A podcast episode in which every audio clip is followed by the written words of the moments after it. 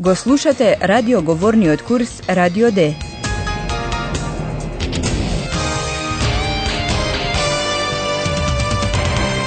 Заеднички проект на Гете институтот и Радио Дојче Веле. Авторка е Херат Мезе.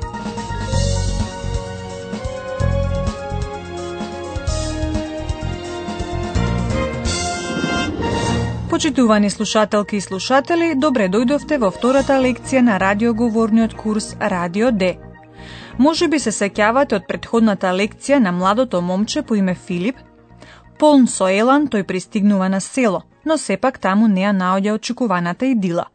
Видливо вознемирен од крави, муви и пчели, тој бега од градината во својата соба. Но за жал ни таму не го наоѓа посокуваниот мир. Слушнете оваа сцена. Што му причина Филип?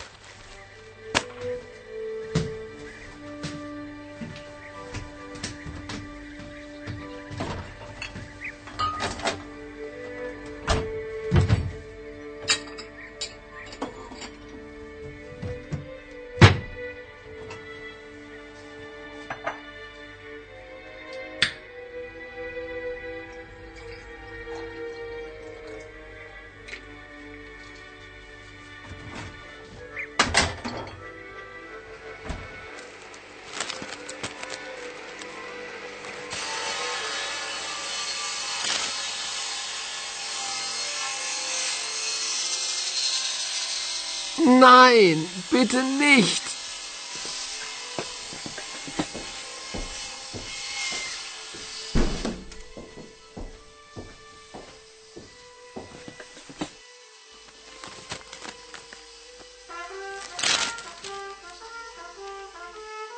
Oh nein, bitte nicht.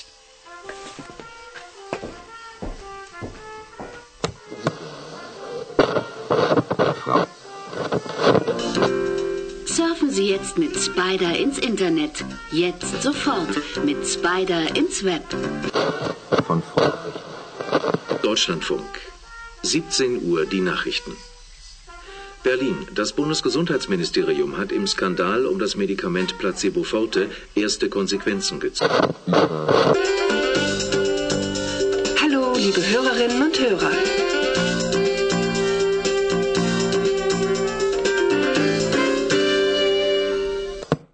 Тешко е да се каже што е понеподносливо.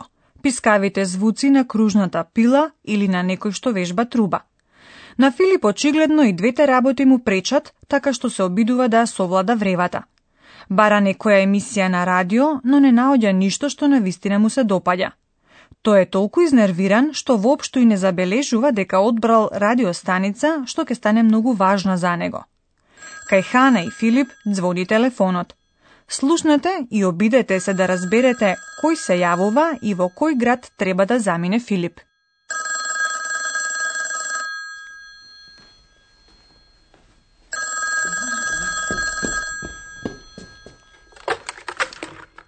Hanne Frisch, guten Tag. Philipp?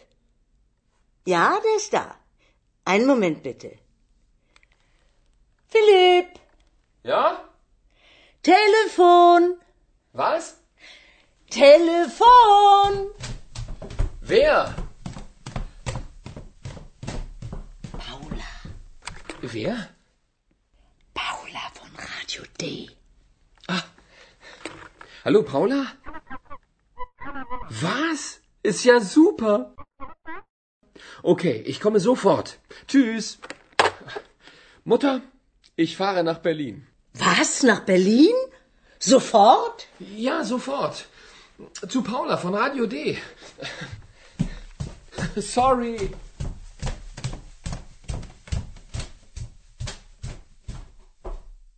Очигледно нешто важно се случи. Се јави една жена што се вика Паула.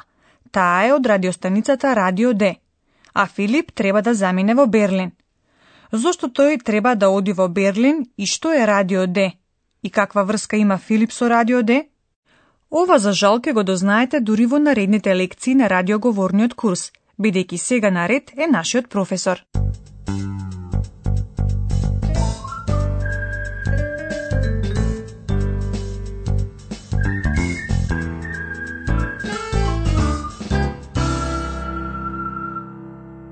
Да, почитувани слушателки и слушатели. Денеска сакаме да ве запознаеме со уште една стратегија со која ќе ви се олесни разбирањето на германскиот јазик.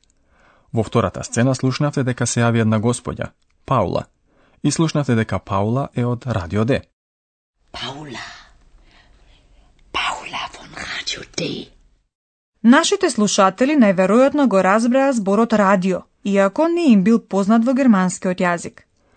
Тоа е така бидејќи во германскиот има зборови за кои можете да предпоставите што значат. Може би ги знаете овие зборови од вашиот мајчин јазик или од англискиот, односно од францускиот. Овие зборови додуша во германскиот најчесто се изговараат малку поинаку, но честопати звучат и многу слично.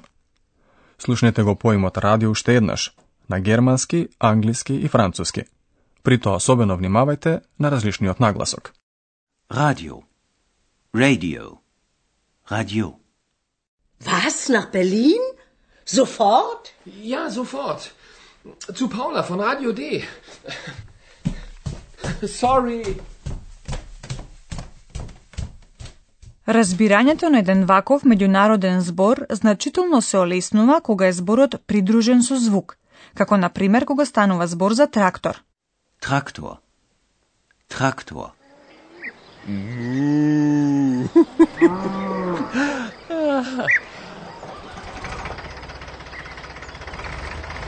Naja, der Traktor.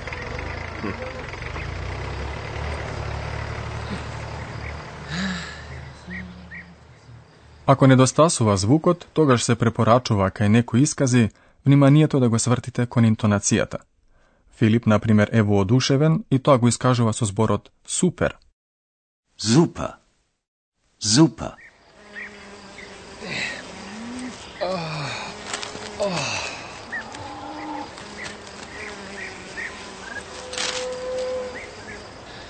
Super. Einfach super hier.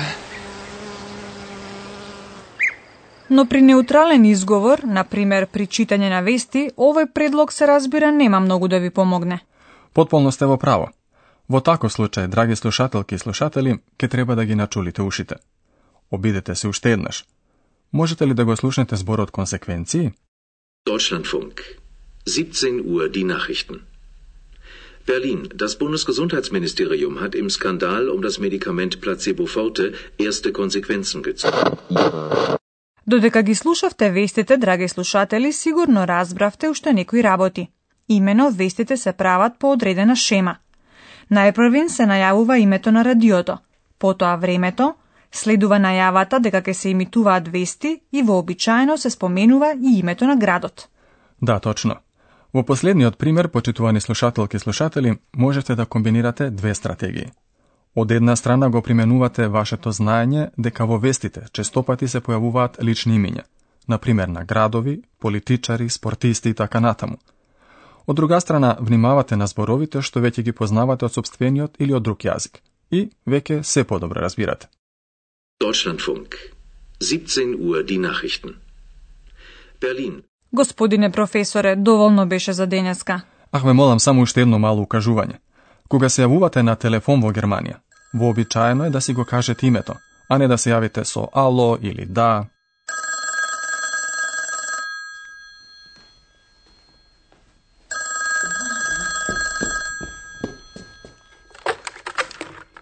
Anne Frisch, guten Tag. Ви благодарам многу, господине професоре.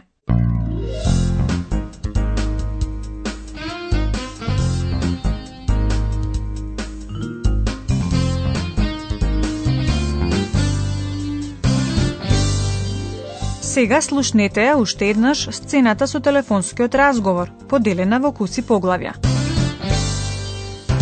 Во домот звони телефонот. Хане Фриш ја крева слушалката и ја замолува жената што се јавува малку да почека. Што вели Хане Фриш?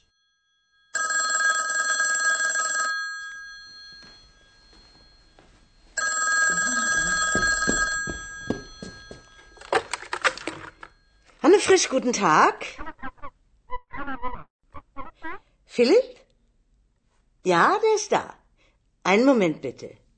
Хане Фриш и вели на жената на телефон, момент ве молам. И тогаш го вика Филип, тој да се јави на телефон. Што вели таа? Philipp! Ja? Telefon. Was? Telefon. Јасно, господја Фриш извикува телефон. А Филип се разбира љубопитен да дознае кој го бара. Кои информации му ги дава Хане Фриш за Паула? Paula. Wer? Paula von Radio D. Таа му шепнува на Филип дека на телефон е Паула од Радио Д. Со кој збор Филип ја поздравува Паула? Hallo, Paula? Филип се обраќа со пријателскиот поздрав здраво. Веста што му ја соопштува Паула многу ке го расположи. Со кој збор реагира Филип? Hallo, Paula? Was? Ist ja super. Сигурно слушнавте дека Филип е воодушевен. Веста ја смета за супер. Хане Фриш, од друга страна, воопшто не е воодушевена кога и вели Филип дека ќе мора веднаш да отпатува. Како се вика градот каде ќе патува Филип? Mutter, ich fahre nach Berlin. Was? Nach Berlin? Sofort? За крај ви ги повторуваме уште еднаш сцените што денеска ги слушнавте.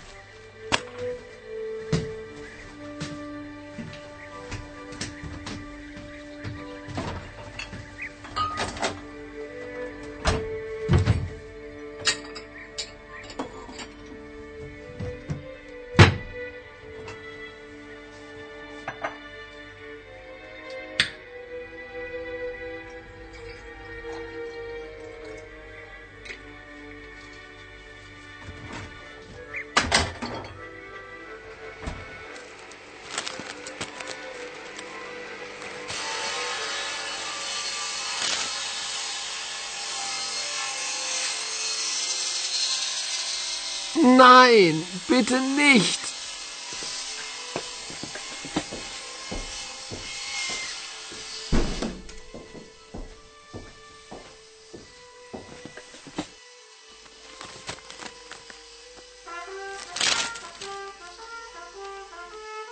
Oh nein, bitte nicht.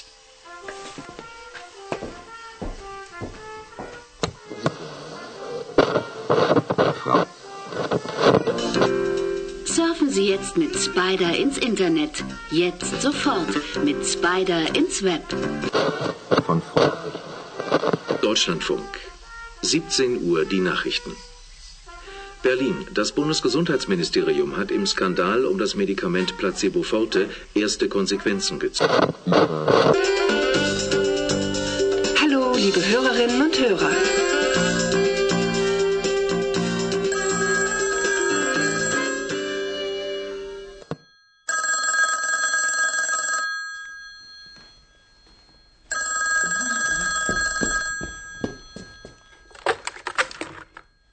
Frisch, guten Tag. Philipp? Ja, der ist da. Einen Moment bitte. Philipp, Ja? Telefon, Was? Telefon. Wer? Paula. Wer? Paula von Radio D. Hallo, Paula? Was? Ist ja super. Okay, ich komme sofort. Tschüss. Mutter, ich fahre nach Berlin. Was? Nach Berlin? Sofort? Ja, sofort. Zu Paula von Radio D. Sorry.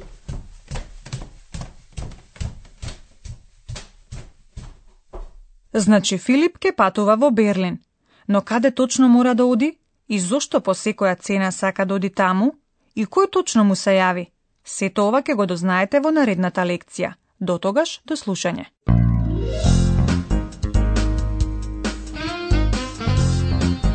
Го слушавте Радио Д, курсот по германски на Гете институтот и Радио Дојче Веле.